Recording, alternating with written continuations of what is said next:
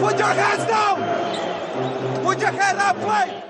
It's amazing, I'm the reason everybody fired up this evening. I'm exhausted, barely breathing. 3, 2, 1, in Slovenija je evropski prvak! Slovenija je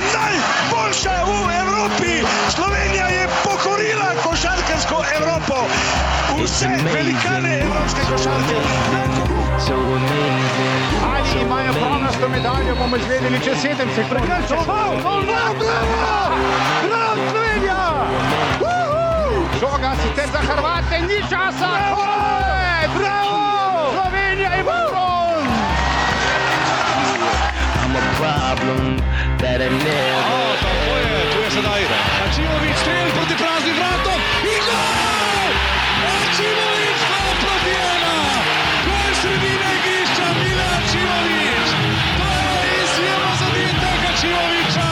Sredine igrišča je premagal So amazing, so amazing. Vrtišča skakalnice, kako daleč bo poletel blizu svetovnega rekorda. Ali je to nov svetovni rekord Petra Prevca in zmaga? Mislim, da se bo dogodilo tisto, o čemer smo sanjalo. Sanjali toliko časa. 250 metrov, nov svetovni rekord Petra Prevca. So amazing, it's amazing. Blaž, živo, pozdravljen. Zdravo, Matej, kako? Dobro, pa ti, nabral kondicijo za svetovno že. Ja, toliko kot potrebujem sem, eh, sicer ne bom mogel si ogledati vseh tekem, tako kot sem to počel prejšnja prvenstva, kaj ti z leti pridejo tudi druge obveznosti. Nisi več na vrhuncu. Tako in uh, bom moral kakšno tekmo nekoliko jih selekcionirati, ampak še vedno dovolj bom pogledal, da bom imel ta Izbirati gušt. minute. Tako, Kdaj? tako uh, še vedno tale gušt svetovnega prvenstva, tale mesec in bom uh, na tekočem in uh, se ga že zelo veselim.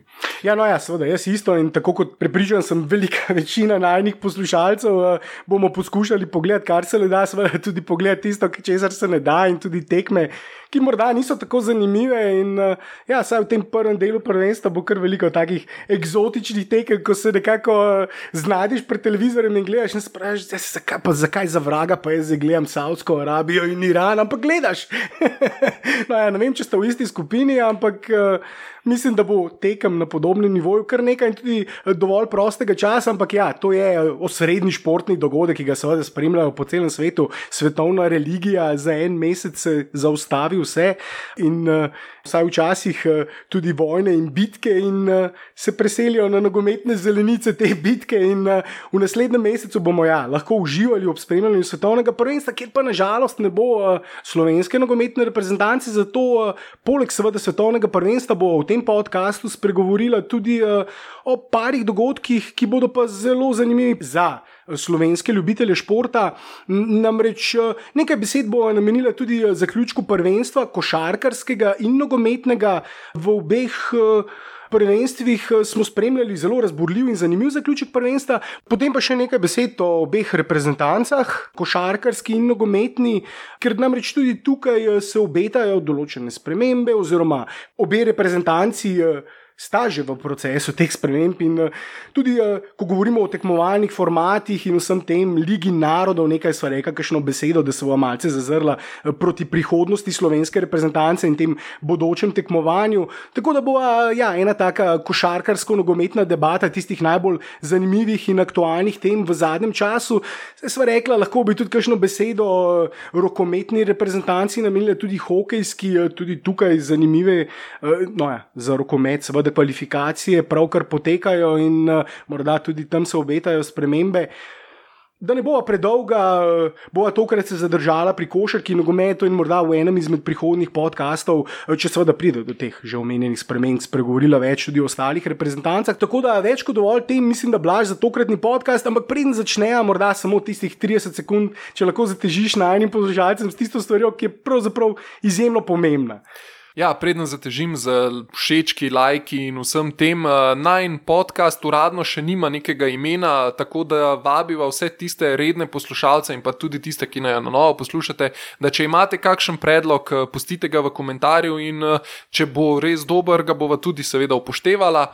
Tako da hvala že vnaprej za vse predloge, ki jih boste poslali. Ja. Sedaj pa bi rad za težil še s tistimi všečki, se pravi, tisti, ki ne poslušate preko YouTube, če lahko se naročite na kanal, traja samo sekundico.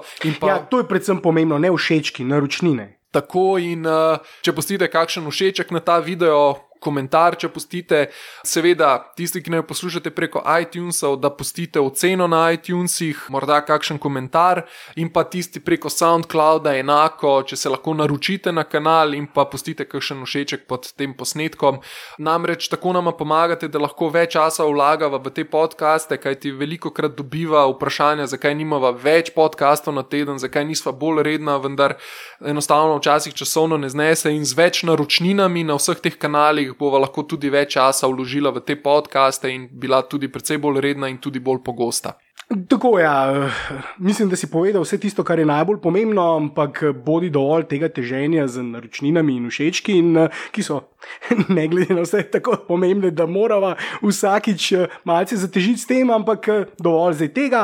Pojdiva na današnje teme, sva rekla, blaž, da bi najprej morda se lotila košarke, pa kaj bi ti, ti bom dal možnost za izbiro, a greva najprej na reprezentanco ali morda na zaključek prvenstva in klubsko sceno. Morda greva najprej na klubsko sceno, glede na to, da reprezentanca šele prihaja, recimo temu tekme reprezentance. Klubska scena je pa že zaključena. Tako, ja. Um, Dejansko, kaj povedati o slovenski klubski sceni, vsaj v tem zaključku?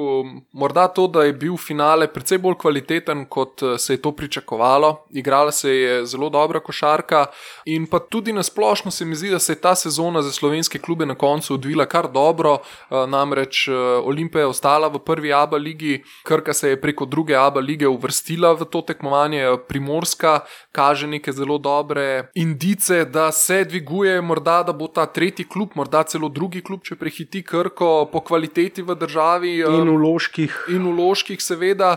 In pa zraven tudi veseli dejstvo, da je Olimpija izgleda kot da sedaj končno ima neke usmeritve, neke želje, nekaj, vsaj na papirju, zgleda, da se zgodba razvija v pozitivno smer, vendar za to je treba počakati še nekaj časa na ja, papirju. Ja, zgledalo je tako ali drugače ta njihova sanacija, kot 16-17 letna sanacija, je tako dolga, da kljub temu, da je sedajni direktor eh, dejal, izjavil, da je ta sanacija sedaj končana, so pa vendarle vzeli posojilo, da so zaključili ta tehnično, to seveda pomeni, da vendarle ni končana, vendar sprememba sponzorja, sprememba v vodstvu moštva, morda le lahko kaže, tako kot si dejal, določene pozitivne spremembe. In tudi, ja, sam zaključek prvenstva, peta odločilna tekma je na koncu odločala o državnem prvaku. In to celo po podaljšku, kar tako je še in, eh, dodatno dodalo zanimivost tej finalni seriji. Tudi uh, samo število gledalcev je bilo spodbudno, se mi zdi, da se je publika vendarle počasi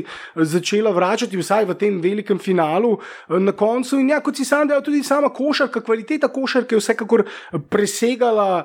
Če temu tako rečemo, recimo višino vložkov. Vsaj meni se je tako zdelo, da glede na to, koliko denarja se vlaga, glede na to, da se je ta sezona, pravzaprav po tistem, seveda, gromozanskem uspehu, zgodovinskem uspehu, reprezentance.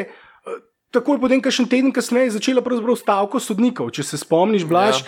Tako da na neki način od uh, tistih višin nazaj v realnost slovenske klubske košarke in pomankanja, s katerim se soočajo, seveda ne samo sodniki, še bolj klubi, še bolj trenerji, še bolj tudi sami igralci, eh, plačila in eh, ki zamujajo. Vsi vemo, kakšne težave so s tem. In je potrebno povedati, da kljub vsem tem težavam, ja, da sama kvaliteta, ne samo recimo košarkarskega, tudi nogometnega, v katerem bo kasneje, glede na vložke, treba priznati, da vsekakor se igra kvaliteten eh, ekipni šport, v tem primeru seveda kvalitetna košarka in da smo lahko v zaključku finala spremljali dobro, razborljivo košarko, nekaj zanimivih recimo temu mladih, perspektivnih igralcev je dobilo svojo priložnost, neki večni talenti bodo verjetno ostali večni talenti, ampak o posameznih igralcih in morda finalu, eh, posameznih tekmah, morda ne bi izgubljala preveč časa. Vsi smo lahko spremljali ta zaključek prvenstva, ti si bil eh, celo tam na tekmi v Stožicah. In uh, ja, vsekakor spodbudno tudi to, morda lahko omenimo, da vendarle se je Krka po tistem izpadu iz uh, prve ABA lige ekspresno potem letos vrnila zmago v drugi ABA ligi nazaj v prvo ABA ligo. In to je vsekakor že spet pomembno za slovensko klubsko košarko, ki je letos imela samo enega predstavnika v ABA ligi, v um, najmočnejši regionalni ligi, ki vendarle omogoča preko te lige tudi uh, stik z evropsko košarko in je za slovensko košarko izjemno pomembno in da ima država evropskih prvakov samo enega predstavnika v tem regionalnem tekmovanju, je vendarle uh, ja, malce žalostno in v tem sva mi dva že precej jamrala in jokala po samem evropskem prvenstvu, so mi dva tiste malce realne vode prilila na ogen strasti, ki jih je raznel, če sem tako mal bolj poetičen, ki jih je raznelo tisto evropsko prvenstvo. Ja, smo padli potem hitro s to, skozi že omenjeno stavko sodnikov v realnost, ampak. Ja, in uh, v bistvu rad bi še povedal, da glede na te ambicije primorske, Sixta primorske, se zna zgoditi, da morda bo po naslednji sezoni Slovenija imela tri predstavnike v Ligi Abu, kar pa bi bilo v bistvu za našo klubsko košarko zelo, zelo pozitivna stvar. Predvsem, kot si že dejal, Abu Liga je napram slovenskemu prvenstvu kvalitetnejša, igrajo se bolj eh, teže tekme, bolj kvalitetne tekme, kvalitetnejši nasprotniki in vedno se je dobro boriti z močnejšimi od sebe, kajti tako lahko napreduješ in eh, neka usmeritev, recimo, če se malo dotaknem še Olimpije, je tudi sedaj grejo vedno bolj v to, kar je Olimpija že bila. Se pravi, neka valilnica talentov, pripeljali so nekaj mladih, sedaj igralcev, že med sezono Sanona, ki je tudi v beležkah nekaterih NBA skautov. Sedaj, no, ja, leto se bo podal na draft. Ja, sicer dvomim, da bo izbran, ampak. Morda kot dreften stež pozno v drugem krogu, morda, recimo ja. igralec, ki bo, on bo zagotovo naslednjo sezono, naslednji dve sezoni ustal še v Ljubljani, ampak take igralce ponovadi ekipe v NBA ligi izberejo kot projekte, ki ostanejo nekaj časa v Evropi, se razvijajo in jih potem morda, če se razvijajo mm. do določene mere, pripeljejo seveda kot nizek izbor v drugem krogu kaj dosti ne moreš riskirati. Tako je. In, uh, no, potem sedaj so pripeljali uh, tega visokega igralca Šamaniča, tudi mlad hrvaški talent, uh, ki mu nekateri napovedujejo celo top 5 izbor na dreftu v prihodnosti. In v Olimpiji bodo tudi dobili dovolj priložnosti, da bodo lahko razvijali svoj talent in upajmo, da bo. To, kar je sedaj na papirju, izgleda zelo lepo, da bo to tudi prenešeno dejansko v prakso, vendar uh, je kar precej časa trajalo, da je prišlo do tega. In seveda bo trajalo, da se Olimpija vrne nazaj na stara pota. Mi dva smo že govorili o tem.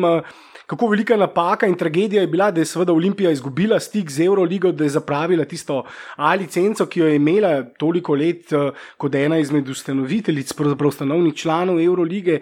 In uh, ja, žalostno je seveda zdaj, da se bo Olimpija vrnila nazaj na tista pota, bo trajalo zelo dolgo časa in predvsem še vedno pogrešam kakšne uh, slovenske mlade talente, nadarjene igralce, okoli katerih, to je tisto namreč, kar publika lepo, da pridejo sedaj, se recimo tudi kakšne kakšni tuji talenti vidijo Olimpijo recimo, kot priložnost za razvoj, košarkarski razvoj, to je vsekakor spodbuden znak, ampak eh, potrebno je ekipo graditi zaradi tega, da seveda ima neko jedro navijačev in da lahko privabi publiko nazaj, je pa potrebno tudi neke domače zvezdnike ustvariti in eh, neke domače talente. To pa je tisto, kar je pa Olimpija dolga leta seveda počela, dovoljevala odhode vseh naših najbolj nadarenih mladih igralcev. Ne, ne samo dovoljevala zaradi neustreznega dela, zaradi tega, ker niso dobijali priložnosti v Olimpiji in še mnogih drugih razlogov, o katerih sva tam že dejal govorila, so zapuščali ja, tja, od Dončiča naprej cela vrsta mladih igralcev ali pa igralcev, eh, recimo v mladih letih, je zapustila eh, Olimpijo v zadnjih petih, šestih, sedmih letih. In, eh, ja, da se bo, kot si sam dejal, da se bo Olimpija zopet vrnila na stara pot, da bo. To, kar je predvsem pomembno za slovensko košarko, da ima na klubskem nivoju stik z najvišjim evropskim nivojem, brez tega, ja, no, to smo že dejali, mi ne bomo več želi takih uspehov, ne bomo več doživeli takega. Eh, uspeha, kot je bil eh, seveda naslov evropskih prvakov, brez tega, da bo slovenska klubska košarka imela nek stik eh, z najvišjim evropskim nivojem, brez nekega stabilnega kluba, si jaz ne znam predstavljati, da bi lahko naša reprezentanca v prihodnosti žela podobne uspehe. Ja, mislim, da ne samo podobne uspehe, mislim, da če ne bomo imeli res stika za to vrhunsko evropsko klubsko košarko, da bodo težave že priti recimo ven iz skupine na velikih tekmovanjah, morda celo težave z uvrstitvijo na velika tekmovanja.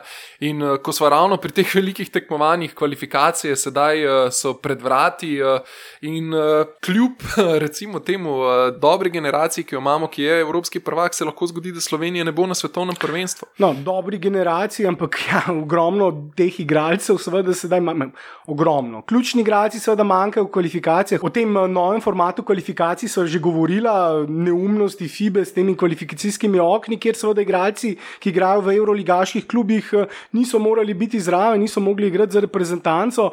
Seveda, zdaj za take manjše reprezentance, kot je naša, kjer možnost, nimamo možnost selekcije takega števila igralcev, kot je recimo Španija, Francija, druge večje evropske države.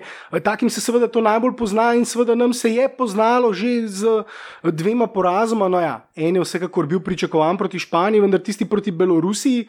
Pa ni bil pričakovan in tudi ni bil željan, in tudi spravil našo reprezentanco v zelo ja, v negotov in težak položaj. Se bo potrebno sedaj v tem poletnem roku, no ja, juni, juli, konec junija in začetku julija, bosta še dve tekmi, Španija, Črna Gora, bo verjetno potrebno dvakrat zmagati, namreč vse točke iz prvega dela se na to prenašajo v drugi del. Tem so tudi že nekaj govorila, da se je naša reprezentanca precej uštela s tem, ko so mislili, da se točke ne bodo prenašale v drugi del. In zato tudi so spustili Vidmarja na tisti tekmi proti Belorusiji, vsaj delno, mislim, da je bil to razlog, na tisti tekmi proti Belorusiji in nazaj v Turčijo. In to je bila tudi potem največja pomankljivost pod obročem, smo videli, zevala v obrambi, predvsem ogromna luknja. Ja, Dimec enostavno še ni pripravljen za tako visok nivo, da bi bil prvi center in da bi bil glavni nosilec pod obročem. Tista tekma je to vsekakor potrdila, ja. Ja, da nekako preprosto. Tudi Dimec. Je recimo določen tip centra, ki ni dovolj gibljiv, da bi lahko recimo pokril te hitrejše evropske ekipe, kot je recimo Belorusija z veliko streljci mm. in gibljivimi centri, ki se lahko potegnejo na trojko. V takem primeru recimo rabiš ravno kakšnega Randolfa, za katerega pa sedaj ne vemo in to je tista negotovost tudi recimo v tem junijsko-julijskem roku, namreč Blaž. Mi dva smo gledali za Luko, recimo, ki je že pozval navijače, da bi uh, prišli v čim večjem številu podpreti reprezentanco, ker seveda, kot sem dejal, verjetno bo potrebovala naša reprezentanca dve zmagi, da ne bo potrebno v drugem delu potem trepetati. No ja, trepetali bomo še vedno. Um, vsekakor, um, kot kaže, bo recimo, glede na to, s kom se križamo. Na koncu, recimo, ali Latvija ali Slovenija, dvomim, da se boste obe reprezentanci uvrstili na svetovno prvenstvo. In recimo dve reprezentanci, ki sta prikazali daleč najlepšo in najbolj zanimivo košarko na zadnjem evropskem prvenstvu, ne bo se tam, tam torej na svetovnem prvenstvu ja. ne bo ali Porzingisa ali pa Dončiča. In že spet, to je tista neumnost FIBE, ki postavlja tak format in reprezentance v tak položaj. Mislim, jaz bom raj tako rekel, ni, ni toliko neumnost ta format, koliko je neumnost, da so ta format sforsirali, preden so se dogovorili z vsemi. Uh, recimo zvezami, z vsemi uh, temi klubskimi tekmovanji. Predvsem z Euroligo. Pre, Euroligo, ja, ker um, bom rekel, meni osebno je ta format zanimiv. V nogometu zelo dobro deluje, vmes so te premori, ko lahko gledamo reprezentanco in tudi v košarki bi bilo to super, da imaš potem čez celo leto nekoliko stik s to reprezentanco, ne samo na koncu tistih nekaj pripravljalnih tekem, preden se gre na veliko tekmovanje, ampak to je enostavno bilo sforsirano, nedodelano in predvsem brez dogovora s temi največjimi ligami, in to je tisti srč problema, to je tista neumnost, ki se jo je FIBA privoščila. Ne toliko sistem, kot pač enostavno izvedba tega sistema. Tudi mi dva, ko smo gledali za Luko Dončiča, ali bo sploh lahko igral sedaj v tem poletnem. Uh, reprezentančnem ciklusu je zelo, zelo mala verjetnost, oziroma lahko rečemo praktično nič, kajti sedaj ga čaka zaključek španskega prvenstva. Po zaključku španskega prvenstva bo verjetno takoj letel podpisati pogodbo v Ligo NBA in potem, da se bo vrnil, eh, mislim, da ostane le dan, dva, tri do tekem z reprezentanco in potem takoj po tekmah z reprezentanco se bi moral vrniti nazaj v Ligo NBA, kjer ga čakajo začetni treningi, eh, poletna liga in tako naprej. Tako da jaz mislim, da ga klub verjetno ne bo pustil, da bi se vrnil nazaj in zelo, zelo velika verjetnost je, da bomo naslednje tekme igrali brez Luke Dončiča in potem tudi Brez. Randolfa. To je- Randolf je pa tudi vprašanje, kaj, kaj bo Randolf. Ne? Randolf eh, načeloma naj ne bi šel v NBA, vendar vprašanje je, kaj se bo dogajalo med poletno tržnico. Zelo hitro se lahko zgodi, da bo morda dobil kakšno ponudbo kakšnega NBA kluba in uh, tudi on je izgubljen. Vprašanje je tudi, ali bo želel igrati. No, zagotovo on do, mislim, da druga reprezentančna tekma je 1. ali 2. julija, konec junija, Ja. ja. začetek julija. 28. junija in 1. julija, ja, sta obe tekmi reprezentančni. Eh, Tako kot si ti sam že dejal, Luka bo igral špansko prvenstvo tam do 21. 23. 24. junija, mislim, da v najboljšem primeru lahko konča sicer že prej, tam 19. junija. Če Real v finalu, ki se pravzaprav začne eh, danes, eh, ko snemamo ta podcast, pomete z Baskonijo, potem lahko že tam 19. junija, mislim, da odpotuje v. Ameriko in se udeleži samega drafta, prisoten je na tem gala, velikem dogodku. Ampak eh, po vsej verjetnosti, če Real ne bo pometel z Baskonijo, če recimo na koncu 3-1, 3-2 ali pa morda igrajo celo peto tekmo, eh, ja, potem pa se ne bo niti mogel udeležiti drafta in bo moral, tako kot si sam dejal, takoj po draftu potovati. In ja, ti si dejal dan ali dva, tako je 28. juni, če se odpravi recimo 23. 24. junija tja. Seveda ni realno, kaj da direktno iz letališča potem v Ljubljano nazaj eh, na tekmo Španijo. Preprosto mislim, da ni realno, niti približno, niti najmanjše možnosti. Predvsem tudi tega, ker ga seveda klub ne bo pustil. Ko bo on odšel v NBA ligo, bo tam prva stvar, eh, seveda opravil zdravniški pregled in podpisal pogodbo s klubom, na to pa. Recimo, kljub temu, da že vemo, da Luka ne bo izbran na draftu kot prvi, Sansi so že dali vse indice, da ga ne bodo izbrali na draftu, vendar Luka bo dovolj visoki zbor, da moštvo, ki ga bo izbralo, ga zagotovo po podpisu pogodbe ne bo pustilo.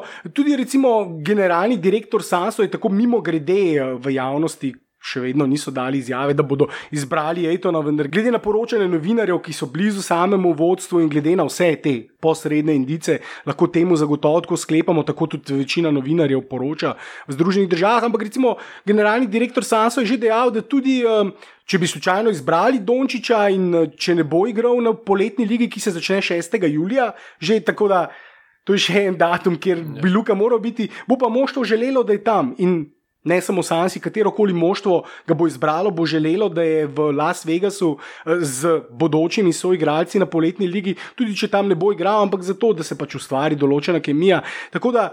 Preprosto časovno, če gledamo datume, kako so postavljeni, ni niti najmanjših možnosti, da bi Luka lahko potoval v ZDA, podpisal pogodbo, da ga oni pustijo nazaj za reprezentanco in seveda tako po končanih igrah za reprezentanco potuje nazaj v Ameriko. Preprosto, ja, ni realno, zato lahko rečemo, da bo. Ampak ja, tisto, kar sem že omenil, Randolph je tisti X-faktor, ki mene še morda malce bolj zanima, ravno zaradi tega, ker sem, kot so dejali, že Dimec je sedaj. Tudi Vidmar bo prišel in igral za reprezentanco, eh, vendar potrebujemo neko gibljivo šterko, ki lahko odigra tudi na položaju centra, morda celo bolj kot Dimca, če že imamo Vidmarja, seveda, mm -hmm. v tem primeru. In uh, brez eh, Randolfa bo ja, izjemno težko. Spomnimo se, kako so nas ti Španci na tisti prvi tekmi. Ja, vse je šlo pod koš. Ja, in so nas nadskakali, ko je odšel uh, Vidmar na klop, je Juriš na, na Škoš in seveda na ja. prodore. In, uh, Ja, nažalost, nažalost smo najbolj šibki ravno na položaju organizatorja igre in pa na položaju centra. In to sta tudi dve poziciji, ki sta za moje pojme v trenutni košarki dve izmed najpomembnejših pozicij. In seveda to sta ta dva igralca, Dončić, ki lahko pomaga na položaju Tako. organizatorja, in Randolph, ki lahko pomaga na položaju centra. Goran eh, Dragič se je že upokojil, oziroma povedal, da morda ga bo zanimalo še, da bi reprezentanci pomagal na olimpijskih igrah, če bi se tja uvrstila, vendar pot do tam je še tako dolga in ja, roko na srce brez Gorana, verjetno tudi. Ja, če, bi hotel, če bi hotel Goran igrati na olimpijskih, pol bi mogel verjetno zdaj le prideti malo pomagati tukaj, le te dve tekmi odigrati. Tudi čez pol moči bi verjetno bilo več kot dobrodošlo. No, ja, ampak ne ja. samo pol moči, eh, tam 30%, 35% Dragiča je še vedno je še vedno recimo 50% več kot, ja, ne bomo zdaj v konkretnih imenih, ampak ja, ne, mislim, takih igralcev, pač takih igralcev, ne samo slovenska reprezentanca Slovenija, Evropa ne premore in vsekakor ga bomo močno pogrešali, ampak tukaj ni kaj. Um, on je svoje delal, povedal jasno in glasno, da uh, v kvalifikacijah ali na svetovnem prvenstvu ne bo igral. Za olimpijske igre bomo pa videli, ampak ja, seveda, do pot Ja. do tam je sedaj izjemno težka, predvsem zaradi tega, ker ne vemo, še vedno ne vemo, kdo bo lahko igral, tudi čeprav so dejala, da. Ne obstajajo realne možnosti za to, da bi se Dončić uh, udeležil, pa ja, no ja, bomo videli. Uh, če bi se slučajno pojavil uh, v drevesu slovenske reprezentance, bi to vsekakor pokazalo določeno pripadnost, ki bi bila ja, že preko vseh meja. Ja, bi kar že malo kultno Mislim- bilo vse skupaj. Ja. V tem primeru, eh, Luka, v tej situaciji, v kateri je sedaj, um, recimo, si predstavljam, da bi mu tudi um, njegov agent ne samo svetoval, vendar ga posedel na klopi in rekel: uh, Poslušaj, uh, ne se zdaj heca, ti imaš možnost zaslužiti v karieri tam med 400 in 500 milijoni dolarjev, recimo, če izpolniš vsa pričakovanja, ki ti jih nalagajo na tvoje ramena. Govorimo v teoriji, ampak ja, to so številke, ki se recimo, če tvoja kariera traja 10-15 let in podpišeš dve max pogodbi, so to že tiste nenormalne številke in je treba tudi o tem razmišljati. Mislim, Ki, uh, ki pa morda bojo celo še više, glede na to, da čez nekaj let se bo podpisovala nova kolektivna pogodba in lahko da se bo zgodilo, da bodo te max pogodbe še više.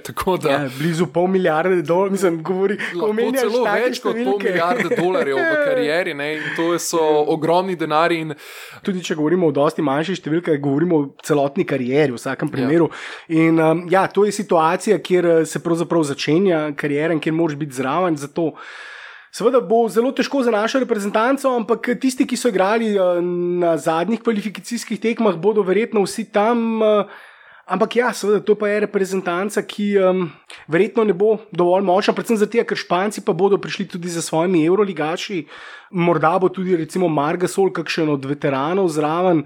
Tako da Španci bodo izjemno močni in seveda veliki favoriti, kot so pa že dejala, mi potrebujemo dve zmagi in ja. Zaenkrat precej negotova je ta bližnja prihodnost reprezentance, bomo videli. No? Po teh dveh tekmah bo seveda mi da posnela en podcast in več povedala o samem poteku obeh tekem, do takrat pa. Ko smo ravno pri negotovih prihodnostih, eh, se lahko nekoliko dotaknemo sedaj slovenskega klubskega nogometa in z, to je bil dober prehod. ja, in, uh, z negotovo prihodnostjo mislim uh, na Olimpijo in na Maribor. Maribor je izgubil svojega športnega direktorja, Zahovič je dal odpoved in dal jasno sporočilo, kaj si misli o celotni zadevi, ki se dogaja znotraj kluba, kjer bijajo ta notranji boj za moč in No, zdi se, da ta boj poteka v Ljubljani in Mariboru, in to je recimo ena zanimiva paralela, jo, na katero bi se lahko navezala. Ja, ampak je razlika med Mariborom. Pri Mariboru se borijo, kdo bo imel večjo moč v pisarnah, v Olimpiji pa se borijo bolj v tem, da Mandarič hoče samo pokazati, da ima vso moč v klubu in pač lahko počne, kar mu Mislim, da paše gre in, za eh, kar dobro paralelo. Mislim, Ja. Vsod potekajo v obeh klubih, potekajo te zakulisne igrice in boji za oblast in za moč v klubu, določene struje. Tako kot so recimo, mi dva sva. Ja, ravno ob tistem eh, škandalu, tisti aferi Zahovič z novinarjem, mi da posnela podcast, kjer je recimo takrat, če se spomnim, prav Olimpija imela še 10 točk prednosti v prvenstvu, ampak zanimivo je bilo recimo potem ta res razburljiv zaključek prvenstva, potem, če sam pogledava, preden greva na vse te intrige in spletke, morda samo kakšno besedo o samem prvenstvu, ki me je tako, jaz bi se pa na to navezal, recimo. Kot so dejala, že košarka in eh, nogomet, glede na vložke, je v obeh največjih svetovnih športih, ki seveda zahtevata tudi najviše vložke, zato da lahko gledaš eh, kvalitetne tekme. Je zanimivo to, da smo v obeh športih eh, spremljali zelo zanimiv, pester, razborljiv zaključek prvenstva, predvsem pa tudi kvalitetne tekme. Vsakem, recimo Maribor, Olimpija, tisti zadnji dva pred, je bil pred vrhunska. zadnji.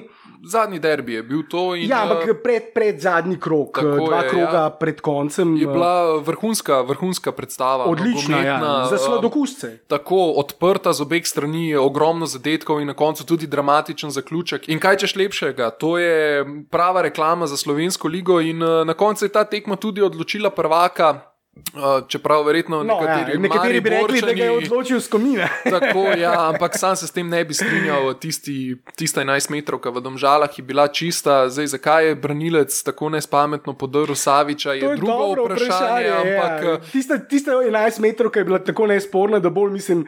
Čista kot so bi lahko dejali. Tako, Eh, ja, Pravzaprav ni um, prav nič spornega pri sami 11 metrov, ki šlo je za neumnost obramnega igralca, za veliko neumnost obramnega igralca. Naš vprašanje, če bi lahko takrat napadalec dobil žogo Savič, če se ne Savić, motim, tako. eh, lahko še dobil žogo, eh, ampak eh, ja, ne bomo nikoli vedeli, ker se je namreč eh, obrambni igralec domžal, eh, mogoče se spomniš, kdo je, Ne jaz se ne spomnim imena, ampak naredil več kot jasno, čisto, nesporno napako, osebno napako v Vidim, da si še vedno precej pod vtisom NBA finala, osebne napake v nogometu uh, in tako naprej. Ampak dejansko, ja, eh, razborljiv zaključek prvenstva, tako kot sva dejala, in uh, sedaj tudi razborljivo v pisarnah obeh klubov. Uh, Kot sva že dejala, Zahovič zapusti klub in zanimivo bo videti, kdo bo sedaj prevzel to vlogo športnega direktorja. Ve se, da je Zahovič bil tam alfa in omega, imel je tudi uh, na trenutke celo nerazumljivo visoko podporo strani navijačev kluba. Recimo, No, mislim, da ne gre za nerazumljivo, gre za razumljivo visoko Ne, ne. podporo, glede na Ja, uspehe reči- reči, njegovega dela v Ja, zadnjih ampak letih. hočem reči, da so mu bili pripravljeni oprostiti marsikatero res, ja, vsekakor. napako, greh in njih bilo malo, in tudi nekatere so bile precej neokusne, predvsem ta, ta zadnja, pa tudi še prej lahko od tisti Ibrahim in tako naprej, ampak ne bo več pogrevala tistih starih afer. Um, na drugi strani pa Jih je bilo kar nekaj, ja. Na drugi strani pa pri Olimpiji uh, Mandarič enostavno ni bil zadovoljen z trenerjem, nista nekako klapala osebnostno, bomo rekli, uh, in na koncu seveda si je stari lisjak kot je Mandarič, ki seveda ni prelisičil nikogar, čeprav si misli, da je um, navrgel nekaj. Recimo temu obskurnih razlogov, zakaj Biščan po svojeni dvojni kroni uh, ni dosegel njegovih pričakovanj, uh, navrgel nekaj imen mladih igralcev, ki naj bi igrali v prvi ekipi Olimpije, čeprav niso sploh dovolj stari, da bi lahko tam zaigrali. Z njimi verjetno naprej, bi, bil, uh, bi bila Olimpija še, dalj, še bolj oddaljena od tega naslova. Ja, to je ta paradoks. Ne. Z mladimi igralci verjetno ne bi bilo rezultatov in bi Biščan odletel. uh, Potem z temi igralci, ki so jih pripeljali tujci, pa so bili rezultati, usvojil dvojno krono, vendar potem najdeš nek drug kraj. Ja, Enostavno, odletel je pa potem zato, ker kao ni, ni igral dovolj tako priložnosti pač mladim To je ta paradoks in uh, vsi vemo, da tukaj so bili razlo razlogi povsem drugačni, kot pa dejansko, recimo, temu športne narave, razvojne narave in kakšne Ja, ja, te za narave. samo voljo, samo držo, tako kot si sam dejal, eh, ostarelega lisjaka, starega lisjaka, Mandariča, ki verjetno. No, ja, se malce zabava še pred tistim končnim odhodom v pokoj. Saj tako se mi zdi, no, glede na te poteze, ker tisto, kar najbolj manjka pri Olimpiji, je morda neka kontinuiteta dela. Mislim, da je bilo tudi to pomembno pri uspehih Maribora mm. v zadnjih letih, da je vsaj tisto vodstvo bilo konstantno isto, ista vizija, isti načrti, cilji, eh, vsi so delovali nekako sozvočno skupaj in to ponavadi prinaša tudi določene uspehe. No, vemo, da seveda imeli so določene rošade na trenerskem položaju, vendar je Milanič kljub temu tudi pred tistim odhodom v Avstrijo eh, in po prihodu nazaj, vendarle tista konstanta, ki eh, veže stvari skupaj, se vidi, da je vedno bil eh, tista izbira. V Ljubljani pa preprosto ni tega in mene, recimo, sedanja situacija spominja na situacijo po prvi usvojitvi naslova, oziroma po usvojitvi pred zadnjega naslova, ne tega zadnjega, ko so tudi uh, Vanolija potem uh, zamenjali. Uh, Ja, nekje vmes je skočil na ta Mandaričev trenerski vrtiljak. eh, Takrat, ko je Mandarič prišel, so sezono začeli z Pušnikom, kjer so igrali resnično dober nogomet. Uh, igrali so verjetno še zame, še sedaj, verjetno najboljši nogomet v zgodovini slovenske lige. Resnično so igrali poletno, dobro, napadalno. Z razlogom so jih nekateri označili tudi za slovensko Barcelono, resnično so igrali dober nogomet. Na to nerazumljivo Pušnika odpustili pripeljali Nikoliča, ki je tudi uh, igral soliden nogomet, uh, bile so neke smernice, vendar potem po tistem izpadu, ko je izustil nekaj rasističnih uh, žaljivk na račune Lekeja. Moral klub zapustiti, prišel je za tistih nekaj končnih tekem v Noli, eh, pripeljal naslov prvaka, potem uh, mu je Mandarič namenil pogodbo, vsi smo se takrat prijeli za glavo, ker ti v Noli ni ravno slovel kot nek vrhunski strokovnjak. Potem se je to tudi pokazalo. Uh, Hitro je Vanoli- zapustil stolček potem. Ja. Hitro, vendar uh, Vanoli je želel takrat igrati z tremi, brani, tremi centralnimi branilci, potem je protega pripeljal ogromno centralnih branilcev uh, za njegov sistem, potem je odletel Vanoli, potem je odletel zaradi Protega njega tudi protega kot športni direktor, ker je narobe balansiral ekipo. Seveda, ker jo je prilagajal trenerju, ki so ga imeli, prišel je Elzner, vrnil se je Stojič, ki je vmes že zapustil uh, pozicijo Skupaj športnega Nikoličem, direktorja. Ne motim. Ali... Um, ja, nekoliko, po, mislim, da še nekoliko pred Nikoličem uh, prišel Elznar, potem so povsem zamenjali ekipo, um, celotno enesterico, potem Ja, je po prvi Elznar. osvojitvi naslova je pravzaprav prišlo tudi do razprodaje. Ja. Ja, ne ampak v ne toliko razprodaje, koliko je prišlo do razprodaje potem v jesenskem Ja, prestopnem to sem roku, ko so povedati. potem balansirali ekipo, ki jo je protega debalansiral. Um, potem, seveda, s čisto novo ekipo Elzner ni morel, mogel narediti nič, prišel je ponovno Pušnik, ostalo mislim, da dve ali tri tekme, uh, potem, ker so se uprli navijači, so Pušnika. Dali na stranski tir, tudi pustili še enkrat njega, prišel je potem Safet Hadžič, ki pa je um, v bistvu deloval kot scout v Olimpiji in tudi sedaj se je vrnil nazaj na to pozicijo. Prišel je Biščan, eh, neznani trener, ki je v bistvu niti ni imel še licence, ko je prevzel Olimpijo. In to se je izkazalo potem za zelo dobro. Okrepitev Olimpije, um, čeprav je na trenutke igral preveč pragmatično, tudi za moj okus eh, preveč pragmatično, znal je igrati tudi z desetimi branilci, če bi bilo potrebno, um, seveda nekoliko pretiravam, vendar je tudi igral z večjim številom branilcev, če je bilo to potrebno in želel iztržiti predvsem rezultat. Olimpijo je predvsem bolj eh, discipliniral, eh, težko si jim dal gol, mislim, da so v celotni sezoni dobili le 12 ali 13 zadetkov, kar je na 36 tekmah eh, izjemno. Dober podatek, tudi dali so relativno veliko golov, mislim, da so imeli tretji napad lige za Domžalami in pa Mariborom. Na koncu je potem osvojil to dvojno krono in uh, mesto zapustil uh, zaradi že omenjenih težav z Mandaričem, ki pa je sedaj stoličil novega srpskega trenerja uh, Stolico, ki naj bi igral. Uh, Stoličil je stolico. Tako, ja, ki naj bi igral nogomet, ki ga Mandarič želi, naj bi vzgajal igralce, kot želi to Mandarič. In uh, sedaj bomo videli, kaj bo, vendar pričakuje se ponovno razprodaja ekipe in uh, kmalo bojo sledile kvalifikacije za Ligo prvakov, kjer pa Olimpija ni nosilec in lahko že v prvem krogu recimo naleti na Celtic. In uh, to bo, mislim, da vse skupaj neka tako zelo čudna zmešnjava. In, uh, Ja, še posebej, če bodo že spet razprodali ekipo, tako kot po tistem prvi osvojitvi, oziroma pred zadnji osvojitvi naslova. To je tisto, kar sem želel povedati. Da pri Mariboru pa namreč obstaja določena kontinuiteta in tako drastičnih sprememb, par sprememb na položaju trenerja po odhodu Milaniča, ampak potem dva trenerja in seveda takoj nazaj že spet Milanič. Vsekakor ni šlo za tak, kot si ti sam dejal, trenerski vrtiljak, kot se eh, odvija pod Mandaričem in ne v tako kratkem obdobju, ker pravzaprav trenerji dobivajo eh, mesec, dva, tri mesece priložnosti in se že uh, hitro poslovijo. Tako da ja, in zaradi tega jaz seveda nisem optimist, um, oziroma vidim dolgoročno še vedno, kljub temu odhodu, recimo Zahoviča v Mariboru, se mi zdi, da kar se tiče nekih dolgoročnih ciljev in dela, je ta kljub vseeno postavljen na precej bolj trdi osnovi kot pri Mandariču, kjer pravzaprav niti ne vemo, kako dolgo časa bo še Mandarič ostal na tem položaju.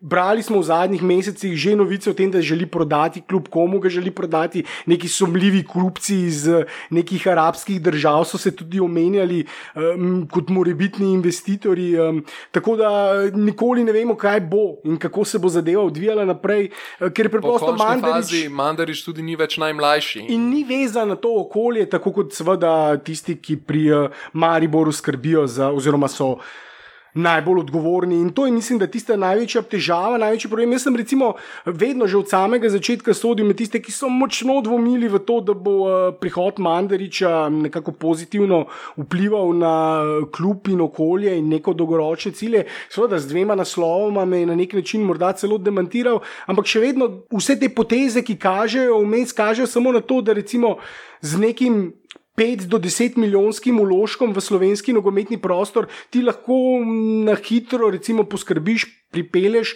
neki naslov prvaka, ker je to vse za slovenski prostor dovolj velik uložek, eh, vendar, eh, tako kot sem dejal, neko dolgoročno delo, neki trdni temelji, ki bi lahko morda kljub pripeljali celo do kakšne eh, udeležbe v Ligi prvakov, tako kot so Maribor.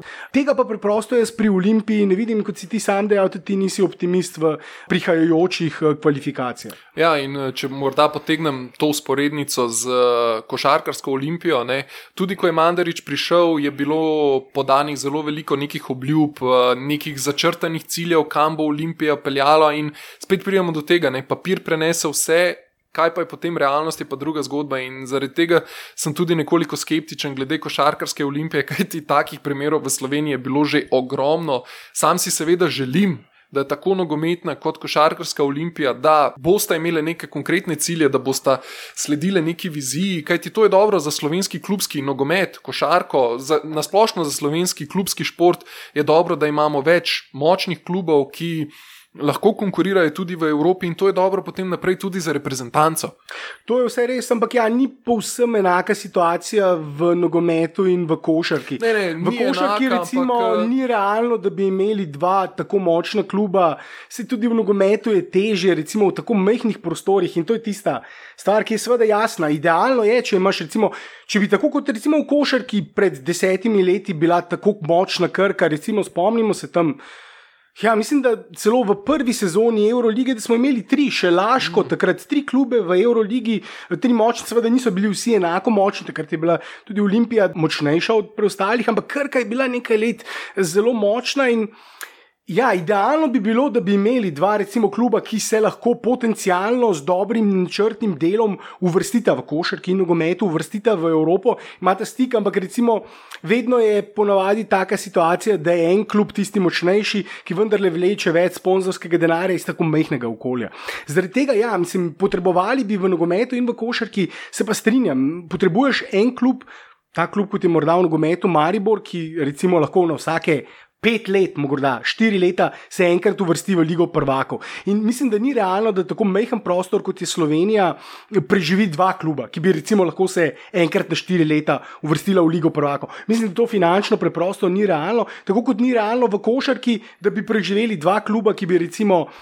Lahko se morda preko Abu lige uh, uvrstila v Euroligo. Mislim, da je realno samo, da ima Slovenija en ta klub in um, to je recimo vsaj zgodovinsko, glede na uspehe v zadnjih letih, je to v košarki, recimo Olimpija, v nogometu pa vendarle še Maribor. Predvsem zaradi tega, seveda, kot smo zdaj povedala in upam, da dovolj nazorno urisala, ki se vsaj meni in mislim, da tudi tebi zdijo tiste največje težave. Olimpija, predvsem ta negotovost vodstva v vodstvu, prihodnost moštva, ne vemo, Ja, kako tem, bo šlo. Dela na kratek in kdo rok. dela v vodstvu in kakšni sumljivi tiči se tam uh, motajo, sploh nismo niti spregovorila. Tako da, um, ja, in um, dejansko Naslov lahko, naslov prvakov, seveda, predvsej teh težav lahko pomete pod preprogo. Tako. In jaz sem mislil, recimo, da bo. Um, Skoraj da sem pripričan, da recimo, če Olimpija morda ne bi usvojila zdaj naslova prvaka, da bi morda se Mandarič že letos poslovil uh, od kluba oziroma prodal klub. To je težko reči, Ja, ker ti. Um, Finta je tudi v tem, da Mandarič naj bi v klub uložil veliko denarja. Sam sem sicer nekoliko skeptičen, kajti Olimpija je tudi z prodajami igralcev ogromno zaslužila in uh, koliko je dejansko dal Mandarič svojega denarja notri, je veliko vprašanje. Kar nekaj Um, odmevnih prodaj se je odvilo v zadnjih letih, Ja, kot so dejala po tistem prvem naslovu. Tako, in uh, sploh, recimo, če ne omenjava vseh, ampak recimo že samo z Zajcem, Hentijem in pa Šporarjem so dobili skoraj 10 milijonov evrov, kar je za slovenski klubski nogomet ogromno denarja. Um, sedaj pa naj bi bila Olimpija po nekih podatkih zadolžena za približno 10 milijonov, oziroma teh 10 milijonov je vrednost, ki jo Mandarič zahteva za delež v Olimpiji. Tako da Zelo, zelo komplicirana situacija, ki mislim, da je nihče ne razume ravno najbolje in tudi težko je razumeti, ker ti pri Olimpiji to spretno skrivajo in uh, nikoli se ne pove, kdo točno pije in kdo plača in odkje prihaja denar in kam gre denar in tako naprej. In je vse skupaj zelo taka um, štorija, ki mislim, da bi. Uh, Vzela kar nekaj časa, da bi jo lahko nek lajk uh, razvozlal, um, ampak ko smo že ravno bila prej pri tem, da potrebujemo močne klubske sredine, zato da potem to vpliva pozitivno tudi na reprezentanco, se lahko nekoliko sedaj dotakneva slovenske reprezentance, ki je v neki prenovi, uh, nosilci se poslavljajo, recimo na zadnje. Nekateri sedaj... so se že poslovili, cesar Birsa. Ja, Birsa je ta ta zadnji, ki se je upokojil uh, v pokoj je napovedal tudi Iličič po naslednjem kvalifikacijskem ciklusu. Čeprav eh, cesar, kot smo slišali, ne ravno po lastnih željah, na drugi strani pa Birsa po lastnih željah, že precej zgodaj, recimo pri 31 letih in seveda tudi v bližnji prihodnosti, to, ko si omenil te spremembe. Tisto blaž, kar najbolj bode oči, je verjetno ravno neuspeh te sedanje generacije, ki se z Birsom in Iličičem verjetno počasi poslavlja, oziroma se je poslovila, ki ni pravzaprav eh, dosegla zadnjih uh, osmih let. Ja, mislim, nobeno vrstitve na veliko prvenstvo. Ja, kar je kar škoda. Ne. Sedaj sta tukaj Lahko je več razlogov. Lahko je težava, da so bili slabo vodeni, kajti bilo je veliko kritik na vodenje reprezentance pod taktirko Srečka Katanca, po drugi strani pa je lahko tudi razlog, da smo to generacijo nekoliko precenjevali. Ampak samo osebno še vedno mislim, da je bila ta generacija ena izmed bolj talentiranih v zgodovini slovenske. Če jo primerjamo z seveda, prejšnjo generacijo pod Katancem ena in ja. uh, njihovimi uspehi in kje so igrali tisti igralci, je seveda sedanja reprezentanca za, ja, za dva razreda kvalitetnejša na eni strani, na drugi strani je pa sama pot do velikih tekmovanj bila sedaj, še posebej v zadnjih kvalifikacijah, neprimerno lažja. Ja, za Evropsko prvenstvo precej lažja kot. Uh, in bo v prej, prihodnosti ne? še lažja. In... Ja, veliko najnih poslušalcev verjetno ne ve, kako natančno bo delovala ta Liga narodov. Uh, namreč to je novo tekmovanje pod okriljem UEFA, kjer bodo tekmovale vse članice UEFA, vseh 55 držav. Zadeva je urejena nekako tako, da bodo tekme igrane med septembrom in novembrom. Skupine so narejene po kakovosti, se pravi, prva skupina A ima najkvalitetnejše reprezentance, skupina D ima najmanj kvalitetne, in potem še vsaka ta skupina ima štiri podskupine. In naša reprezentanca je uvrščena v skupino C in sicer v skupino 3. Tretji kakovostni razred. Tretji kakovostni razred in sicer v skupino 3, kjer bo tekmovala še z Norveško, Bolgarijo in Ciprom. In Liga narodov nekako poteka nekako tako, uh, vsaka reprezentanca igra z vsako doma in v gosteh, in potem štiri najboljše reprezentance v skupini A, B in C, se pravi zmagovalke svojih podskupin, se potem uvrstijo na nek zaključni turnir, kjer potem odigrajo še polfinale in finale, in tiste reprezentance, ki potem zmagajo, se uvrstijo direktno na Evropsko prvenstvo, in to je ta dodatna možnost kvalifikacij preko te lige narodov ja. na Evropsko prvenstvo. In to bo seveda potekalo pred samim začetkom začetkom kvalifikacij za naslednjo Evropsko prvenstvo, zdaj ne vem, a potem za naslednjo svetovno prvenstvo bo ta Liga narodov štela za ne, kvalifikacije. Liga narodov, Liga narodov šteje samo za Evropsko prvenstvo. Samo za Evropsko, torej potem ne bo niti vsaka Liga narodov eh, prinašala udeležitev na veliko tekmovanje, takrat, Tako ko bo je. za svetovno v tistem času. Ja, vsekakor spremembe. Razen, če bojo kaj spremenili, potem, ko bo svetovno prvenstvo se povečalo iz 32 na 48 ekip, morda se bo takrat ta Liga narodov upoštevala. Ko bodo še ampak... dodatno razvodeneli, že tako. Verjetno tako. razvodenelo tekmovanje. Moram reči, da si morda bo o tem rekla kakšno besedo več kasneje, ampak ja, ko smo ravno gledali pare na seveda sedanjem svetovnem prvenstvu, res tiste mustekme, ki jih bo treba nujno pogledati. Saj v tem začetku tekmovanja ni ravno veliko takih tekem, ki jih moraš pogledati. Ampak ja, kot so dejali o tem več. Kasneje, v vsakem primeru se mi zdi ta Liga narodov, recimo, ko so že govorili, FIBA na eni strani, Košarkarska zveza in na drugi strani UEFA, Evropska nogometna zveza, vsekakor se je predvsej bolje lotila. UEFA sprememb tekmovalnega formata, predvsej bolj dolgoročno, dobro so razmislili, kako kot pa seveda FIBA, ki je prišla v konflikt z Euroligo, tega namreč v nogometu ni možno, da bi UEFA prišla, oziroma da bi Liga narodov prišla v konflikt z največjim evropskim klubskim tekmovanjem, v konflikt z Ligo prvakov. Si predstavljaš ja, ta absurd? Ne, če je UEFA, je pač primer bi bil boljši, če bi recimo UEFA prišla v konflikt z Premier Ligo, ki ne bi hotela spustiti svojih igralcev na reprezentančno. Ne, mislim, ker gre v Euroliga, je pa na evropsko tekmovanje, ampak moja poanta je v tem, da je najboljše.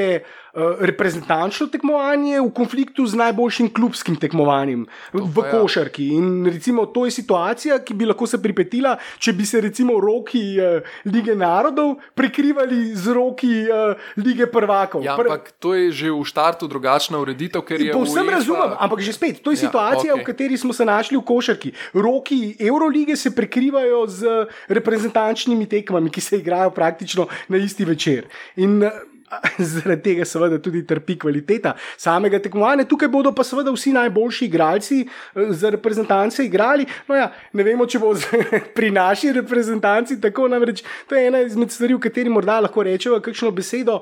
Priprave na to Ligo narodov, ki se začne uh, jeseni, so se končale, prijateljske tekme so bile odigrane. Ko govorimo o naši. Uh, Zdaj, morda neki novi reprezentanci pod Kavčičem, novim selektorjem. Uh, Nažalost, nobena od teh pripravljalnih tekem ni bila odigrana, recimo, z nosilci v bodočih eh, no, kvalifikacijah, v Ligi narodov, eh, ki bodo igrali v tem. Kampla ni bilo, Iličiča ni bilo, zdaj dobro, oblak kot vratar. Tudi eh, no, ja, delno so poškodbe, delno pa verjetno tudi govorice, da se bo morda preselil v kakšen velik klub, v vsakem primeru ni ga bilo eh, na eh, pripravljalnih tekmah.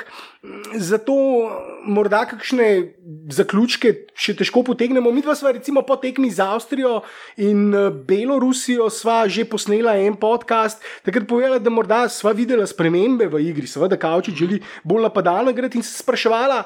A mi imamo igralce za tako tekmo, to je bila tema tistega, za tako igro. To je bila namreč tema tistega podcasta. A mi premoremo igralce za tak sistem, tako igro, kot jo želi Kaučič igrati, ali uh, je bil v bistvu Katanec bližje, bližje igri, ki jo lahko sploh igramo. Ja, v končni fazi Katanec najboljše tekme pod Katancem so bile, ko so bili naši v podrejenem položaju, ko so igrali na kontre in mislim, da je to recept, ki bi slovenski reprezentanci prinašal uh, neke rezultate. V končni fazi Mačari so se na tak način uvrstili na veliko tekmovanje, uh, Islanci igrajo nek podoben sistem. Uh, In uh, to bi se dalo, in se mi zdi, da je sedaj pod Kavčičem na tej zadnji tekmi proti Črni Gori. Ni bila tolikšna razlika v kvaliteti napram prejšnjim tekmam, ampak je bil predvsem razlika v pristopu. Predvsej bolj so se borili, predvsej več želje so pokazali in uh, igrali so nekako tak, recimo, sistem. Nekoliko bolj defenziven uh, in uh, izkoriščali napake nasprotnika, in izkoriščali svoje priložnosti. In uh, bilo je zanimivo, bila je v bistvu dobra tekma za pogled. Naši sicer niso blesteli, kajti se le formira neka nova reprezentanca z novimi nosilci. V igranju vsekakor še niso, ampak tisto, kar mene seveda zaradi tega skrbi, je, da priložnosti za uigravanje ne bo več. Zdaj se začnejo. Če temu tako rečemo, resna tekmovanja. Je, to je res, ampak eh, včasih enostavno ne moreš. Pridajo poškodbe, pridajo morda tudi prošnje strani eh, klubov, ki pa prosijo, da ne vem, morda je bil igralec nekaj časa že poškodovan, je vlekel neko poškodbo in pač enostavno klubi prosijo reprezentanco, če lahko izpusti to reprezentančno akcijo, da sanira poškodbo in tako naprej. In eh, ponavadi v takih primerih reprezentance, predvsem pred prijateljskimi tekmami, tudi ugodijo. Tako da ravno to so bili razlogi, zakaj recimo ni bilo Kampla, Oblaka, tudi Iličiča in tako naprej. Ampak te novi fanti so pokazali nekaj. Da se da računati na njih, in uh, mislim, da če bodo šli nekako s, to, s temi smernicami naprej, bi znala ta zgodba s Kavčičem biti uspešna, vendar še vedno je prezgodaj karkoli dejati, konkretno vleči neke zaključke. Kajti, Tri tekme. Ja. Tri tekme in uh, lahko se zadeva obrne. V polni postavi. Tako in uh, zadeva se lahko zelo hitro obrne v eno ali v drugo smer, tako da je zelo težko govoriti. Ampak Imaš mogoče kakšno pričakovanja v tej skupini, kot si sam dejal, Slovenija, Norveška, Bolgarija, Cipr? Um, Mislim, jaz iskreno bom presenečen, če bo Slovenija osvojila prvo mesto v tej ja, skupini. Z Norvežani imamo že tradicionalno težave. Ja, s severnim, nogomet, severnim Ja. nogometom imamo. Visokimi, eh, močnimi, težave, ja. obrambnimi igralci, ponovadi. Vedno nismo na eni strani dovolj visoki in močni, na drugi strani pa dovolj tehnično podkovani, eh, da bi lahko jih s hitrostjo in z igro na posest premagovali. Zato se mi zdi, da smo mi vedno tam nekje vmes proti tem Tako, Tako, skandinavcem. Ja. Ne moremo se ravno odločiti, ampak dobro, no, to Ja, bo sicer, sicer ne pričakujem, da bi Slovenija izpadla v nižji uh, rang tekmovanja, kajti če, v, žalostno, če ja. v svoji skup, tej podskupini v svoji zadnje mesto avtomatsko izpade v nižji rang tekmovanja, mislim, da tja ne bo padla, vendar. Uh, Mislim pa, da tudi ne bo usvojila tega prvega mesta in um, In še naprej potem vidiš uh, bivanje v mediokriteti, Ja, v tej C skupini vsaj mislim. Povprečju, ja, žalostno. Ko tako vidiš, recimo naslednji. Islandijo v najboljši skupini, eh, kako igra recimo Islandci v skupini z Belgijo, Švico, Islandijo, zelo lepo in zanimivo. Ampak tudi Belgija in Švica, recimo, sta neki reprezentanci, s katerimi bi se mi po velikosti vsaj. Samih držav lahko primerjali, in eh, tukaj se vidi, da se da z dobrim delom, dolgoročnim delom, načrtnim delom. Mislim, da je to ne samo v reprezentanci, ne samo v klubih, kot smo prej govorili, primerjala recimo Maribor in Olimpijo. Mislim, da je dolgoročno delo pomembno tudi v reprezentanci, zato seveda po teh treh tekmah težko še rečeva, polečejo določene zaključke. Vsekakor se vidi, da želi Kavčič uvesti določene spremembe. Ali bo uspešen pri tem, eh, mi da so to dejali že po tistih prvih dveh tekmah, da bo pač pustila čas v čas in eh, potem sodila naprej, jeseni, ko se bodo same tekme že začele in eh, bile odigrane, eh, morda kaj več takrat še povedala. Tako je, sedaj pa mislim, da je pravi čas, da se lotiva še tiste zadnje teme, ki nas bo Svetovno okupirala prvenstvo. cel mesec. Tako je. Pred, tem, eh, pred samim eh, začetkom podcasta smo ravno o tem debatirali, recimo, kakšna bo recimo, gledanost, ko ni slovenske reprezentance v primerjavi. Recimo, če bi seveda slovenska reprezentanca igrala, pa sem pripričana, da bo ogromno ljudi eh, zapravilo predvsej časa pred eh, televizorjem za spremljanje tekem, ampak ko so pa gledala, v to sva nekaj že nakazala, to razvodenelost, ker si ti omenjal. Na 48 reprezentanc se bo razširilo svetovno prvenstvo, pol sveta bo na koncu tam. In ko smo gledali, recimo, um, same tekme, seznam tekem, ki bodo odigrane, recimo v skupinskem delu, katere bodo zanimive. Prva poslastica, seveda, ki jo najni poslušalci verjetno ne bodo zamudili v petek, tako že Portugalska, Španija. Ampak potem v samih skupinah, recimo, to bo morda celo najboljša tekma, skupin, najbolj zanimiva, najbolj spektakularna tekma, najbolj Prvega kroga. Ja, prvega kroga, morda celo skupinskega dela. Misliš, da je kakšna. Ja, ta zadnja tekma med Belgijo in Anglijo mislim, da bo uh, izjemno dobra, predvsem zaradi tega, ker če bo šlo vse po načrtih, se bosta Belgija in Anglija udarili za tisto prvo mesto in seveda lažjega nasprotnika potem v izločilnih bojih. Tako da ta tekma bi znala biti tudi izjemno zanimiva in uh, seveda poleg te Portugalska, Španija, verjetno tudi.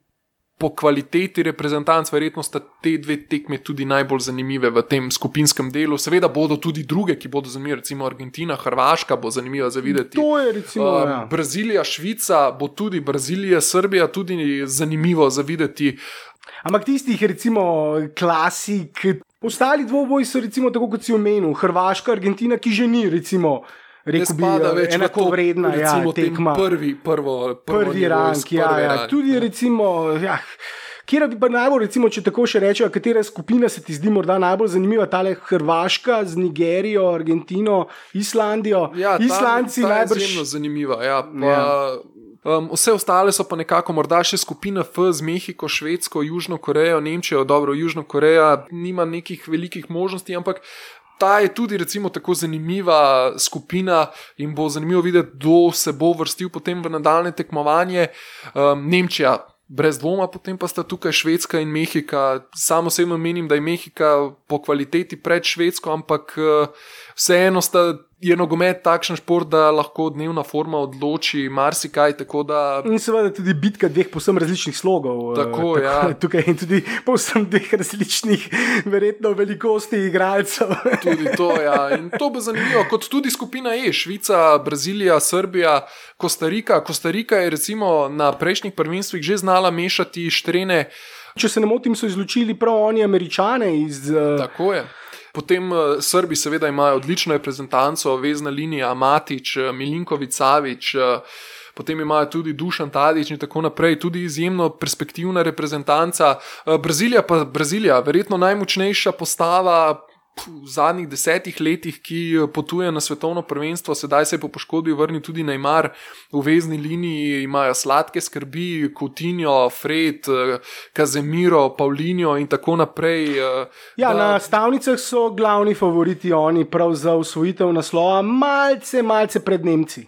Tako um, in uh, Bo zanimivo, predvsem izločilni boji bojo potem zanimivi, sicer zadnjih, na zadnjih prvenstvih izločilni boji niso ravno neka vrhunska posledica. Ponovadi če... vidimo najboljše tekme že v skupinskem Tako delu, je. tiste tekme, recimo, ker se v zadnji minuti odloča s kakšnim golom, ker vidimo recimo pet golov, šest golov, eh, take tekme sedem golov. Eh. Ja, tega v izločilnih ponavadi ni, ni ravno. Predvsej bolj zaprto igrajo. Ja. Tako, razen morda kakšen sedem ena, Brazilija, Nemčija in tako naprej, tisto, ki je še vedno.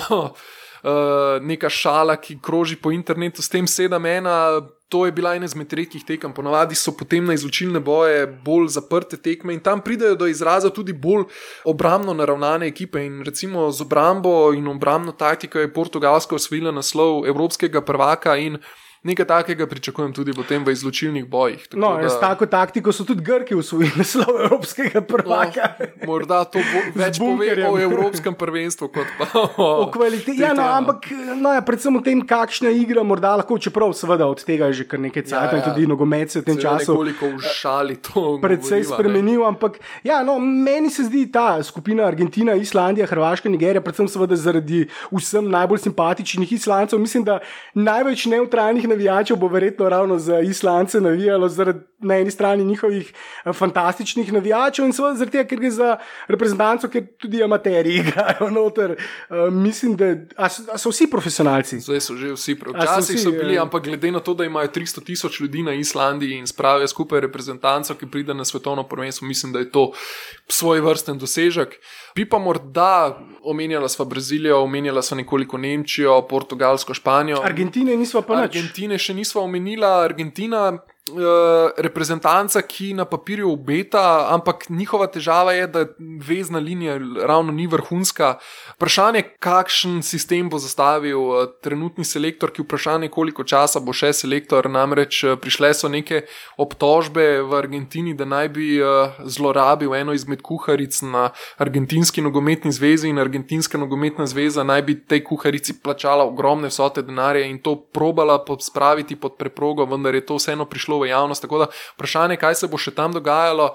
Španci so tudi um, sedaj, potem ko je Real oznanil, da bo. Sedaj je že bivši španski selektor, postal njihov trener, so španci po hitrem postopku ga odpustili in praktično dan pred prvenstvom postavili novega trenerja. Tako da je bilo to kar zanimivo. Ampak, če se vrnem nekoliko k Argentini, Mesi, meni Messi, predvsem ja. tukaj je tisto vprašanje, ko je vedno debati največjega vseh časov ali pa največjega trenutno, seveda Ronaldo, Messi. Ronaldo ima zdaj to prednost pred Messijem, da je naredil rezultat tudi za reprezentanco, sicer na Evropskem prvenstvu, ampak Messi pa ni še nobenega rezultata, tudi na Južnoameriškem prvenstvu z reprezentanco ni še nič. Ima sicer medaljo iz uh, UN-21, mladinske, ja, ampak, ampak ta nažalost ne šteje veliko. Ne, ne, če bi to štelo, potem bi dosti nogometažev bilo više rangiranih. Ampak ja, to je tisto, kar recimo mu še manjka. In če v svoji karieri nikoli ne bo naredil uspeha z reprezentanco, je vprašanje, če bo potem nekoč.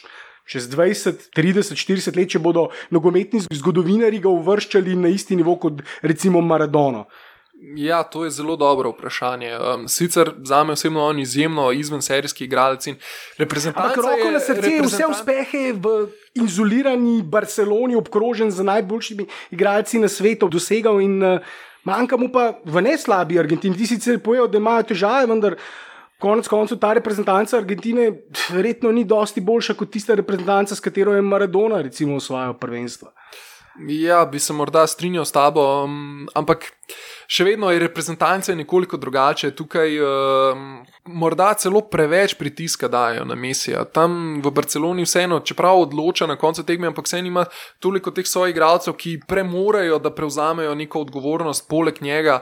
Tega pa mu v Argentini nekoliko manjka. Se mi zdi, da na splošno karakter te ekipe je nekoliko bolj tak medeval, kako bi rekel, nimajo nekih izrazitih vodij v reprezentanci. Ja, mislim, da je pritisk na Mesija v argentinski reprezentanci ni večji kot na Ronalda v Portugalski. To je res, ampak eh, Argentina na papirju ima še vedno boljšo ekipo kot pa Portugalska. Da, recimo, ampak ravno, je, ampak ravno ja. zaradi tega je pritisk tudi upravičeno toliko večji, ker eh, če bo recimo Ronaldo naredil več na tem prvenstvu kot Messi iz Portugalsko, prišel morda dlje kot recimo Argentina, eh, potem je to še ena kako ne rečemo, še en argument v Torbo Ronalda napram Messiju uh, in najboljšem nogometašu trenutno, uh, sedanje dobe, moderne dobe, recimo 2000. Ja, in pač mi dva to, da ne bojo naj slučajno pluvali, da pač Messi je tehnično še vedno pred Ronaldom, en ali pa dva razreda, ampak enostavno. Govorimo temu, o igralcu, o celovitem igralcu, ne govorimo Tako. o tehniki in ne govorimo seveda konec In o tem, koncev- kar šteje na koncu tudi pri recimo zlatih žogih, to so uspehi z ekipami. In goli, Nogomet in eh, konec koncev tudi statistika. A veš, golov, statistika golov je, mislim, da na Ronaldovi strani. Sta tam tam. Pač, ker če bi gledala samo statistiko, Messi zraven ima, mislim, da še desetkrat več podaj kot uh, To je pa res. to je pa Ronaldo. res. Tako da sama statistika, ampak uspeh moštva je tisto, kar je prva stvar, ki jo omenjajo vsi novinari, vsi, ki glasujejo za zlato žogo in tako naprej. Prvo je uspeh moštva in če je moštvo uspešno, potem je tudi individualni lahko uspešen. Sej, nekaj podobnega je v košarki z MVP naslovom. Če je moštvo uspešno, potem naziv gre v. MVP naziv gre ponavadi v roke tistega, ki igra tudi v najboljšem moštvu, in um, predvsem za finale lige NBA je pa tako ali tako znano, da dobi naslov MVP finala tisti, ki je zmagal na koncu, se pravi, igralec moštva, ki je zmagal. Ampak morda, če smo se zdaj nekoliko zapletla pri Argentini, uh, vidiš ti slučajno mogoče zate, kakšnega tihega favorita, ki bi ga izpostavil, ki morda um, upaš, da bi presenetil uh, za končno zmago. E, Zdaj vprašanje je, kaj podrazumevaš pod eh, tihim favoritom, recimo Francija, saj na stavnicah ne sodi med glavne favorite. Pa vendarle ne bi bil presenečen, če se seveda uvrstijo v finale, glede na igre eh, njihovih igralcev po celotni Evropi, ne samo v Franciji.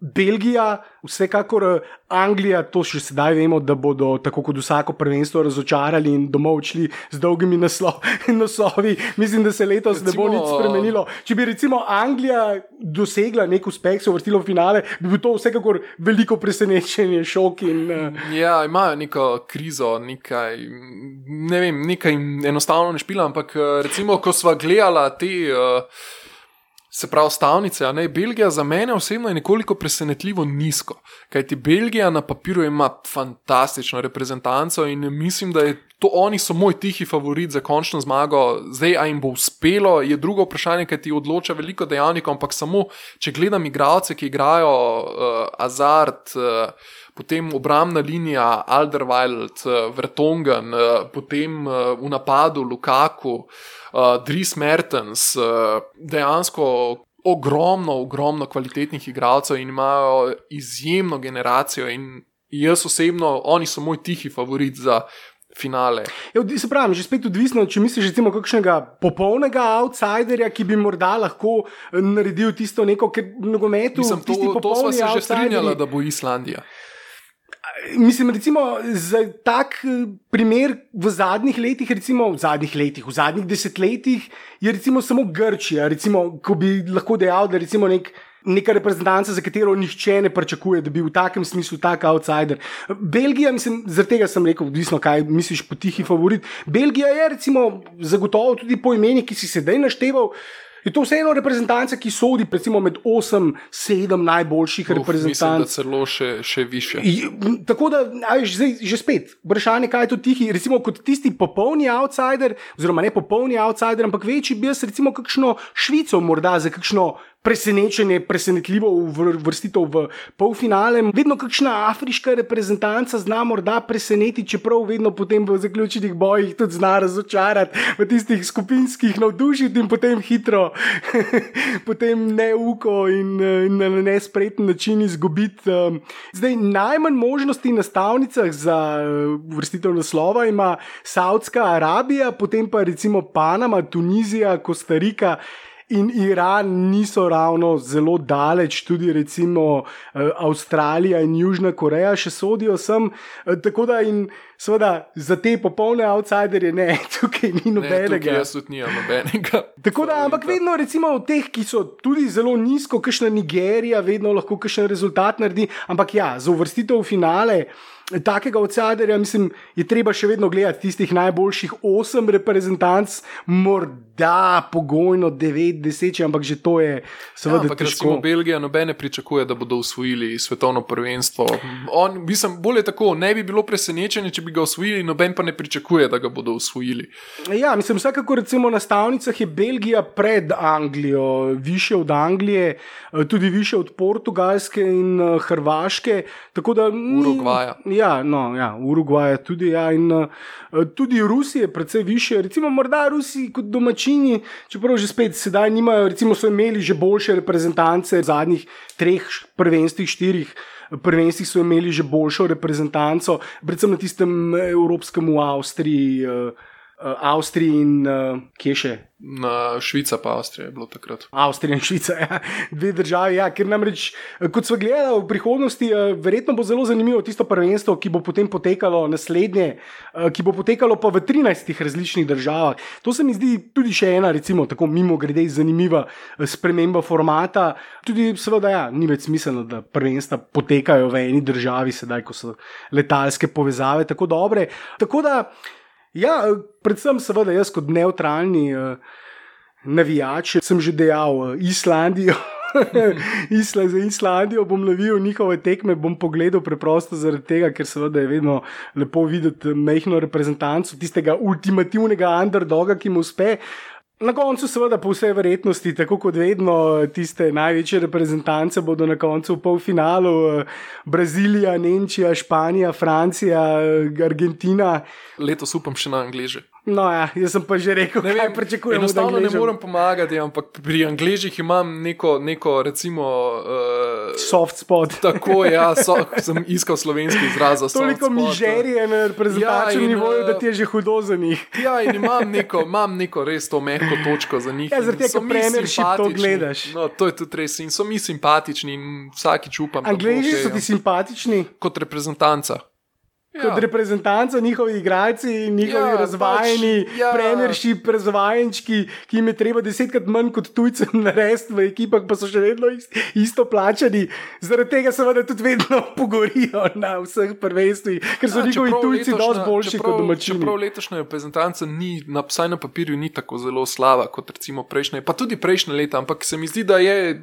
V tej reprezentanci sedaj neka drugačna kemija, kot je veljala prej, ampak še vedno nisem pa pri, mislim, ne, nisem pri, pripričan sem v to, da nekega res odmevnega uspeha verjetno ne bodo naredili, ampak eh, hkrati si pa potihem upam, da bi jim nekako le uspelo, kajti eh, država eh, nogometa, v bistvu ustanovitelji nogometa in že, že zelo dolgo časa je, odkar so na zadnje usvojili karkoli kot reprezentanca in morda je že čas, da pridajo vsaj do unega tretjega mesta, če ne kaj več. Vsaj, vsaj jaz imam ta soft spot za njih. Ja, no, dobro, v redu, velja. Bova videla in uh, bova posnela tudi, seveda, še kakšen podcast v umestnem času med samim uh, svetovnim prvenstvom. Tudi če bodo kakšne odmevne uh, afere, bo o tem tudi sigurno. Tega je vedno v nogometu dovolj. Tako da, ja. bo sigurno kaj spregovorila. To pa, po mojem, bodi to za danes. Morda samo še omeniš, kje naj jo lahko, na katerih platformah naj jo lahko spremljajo in uh, se na to posloviva. Ja, spremljate nas jo lahko na Facebooku, na NBA Slovenija, potem uh, na Facebooku sedaj med nogometnim prvenstvom tudi nogometni prestopi in pa seveda na Twitterju sportinfo.si in pa spletni strani sportinfo.si. Sportinfo.si je ta glavna, ključna beseda. Tako da vabljeni, pridite nas pogledat um, na Twitterju, pišite nama, rada odgovarjava, tudi na Facebooku, napišite nama, če vas karkoli zanima ali imate kakršno koli mnenje, vprašanje, karkoli, napišite, zelo rada odgovarjava in tudi, če se le da, vsem odgovorijo v najkrajšem možnem času. To je To to. Ja. Tako da um, hvala za poslušanje in, in se eh, slišimo naslednjič. Živijo. Will you put your hands down? Put your hand up, play.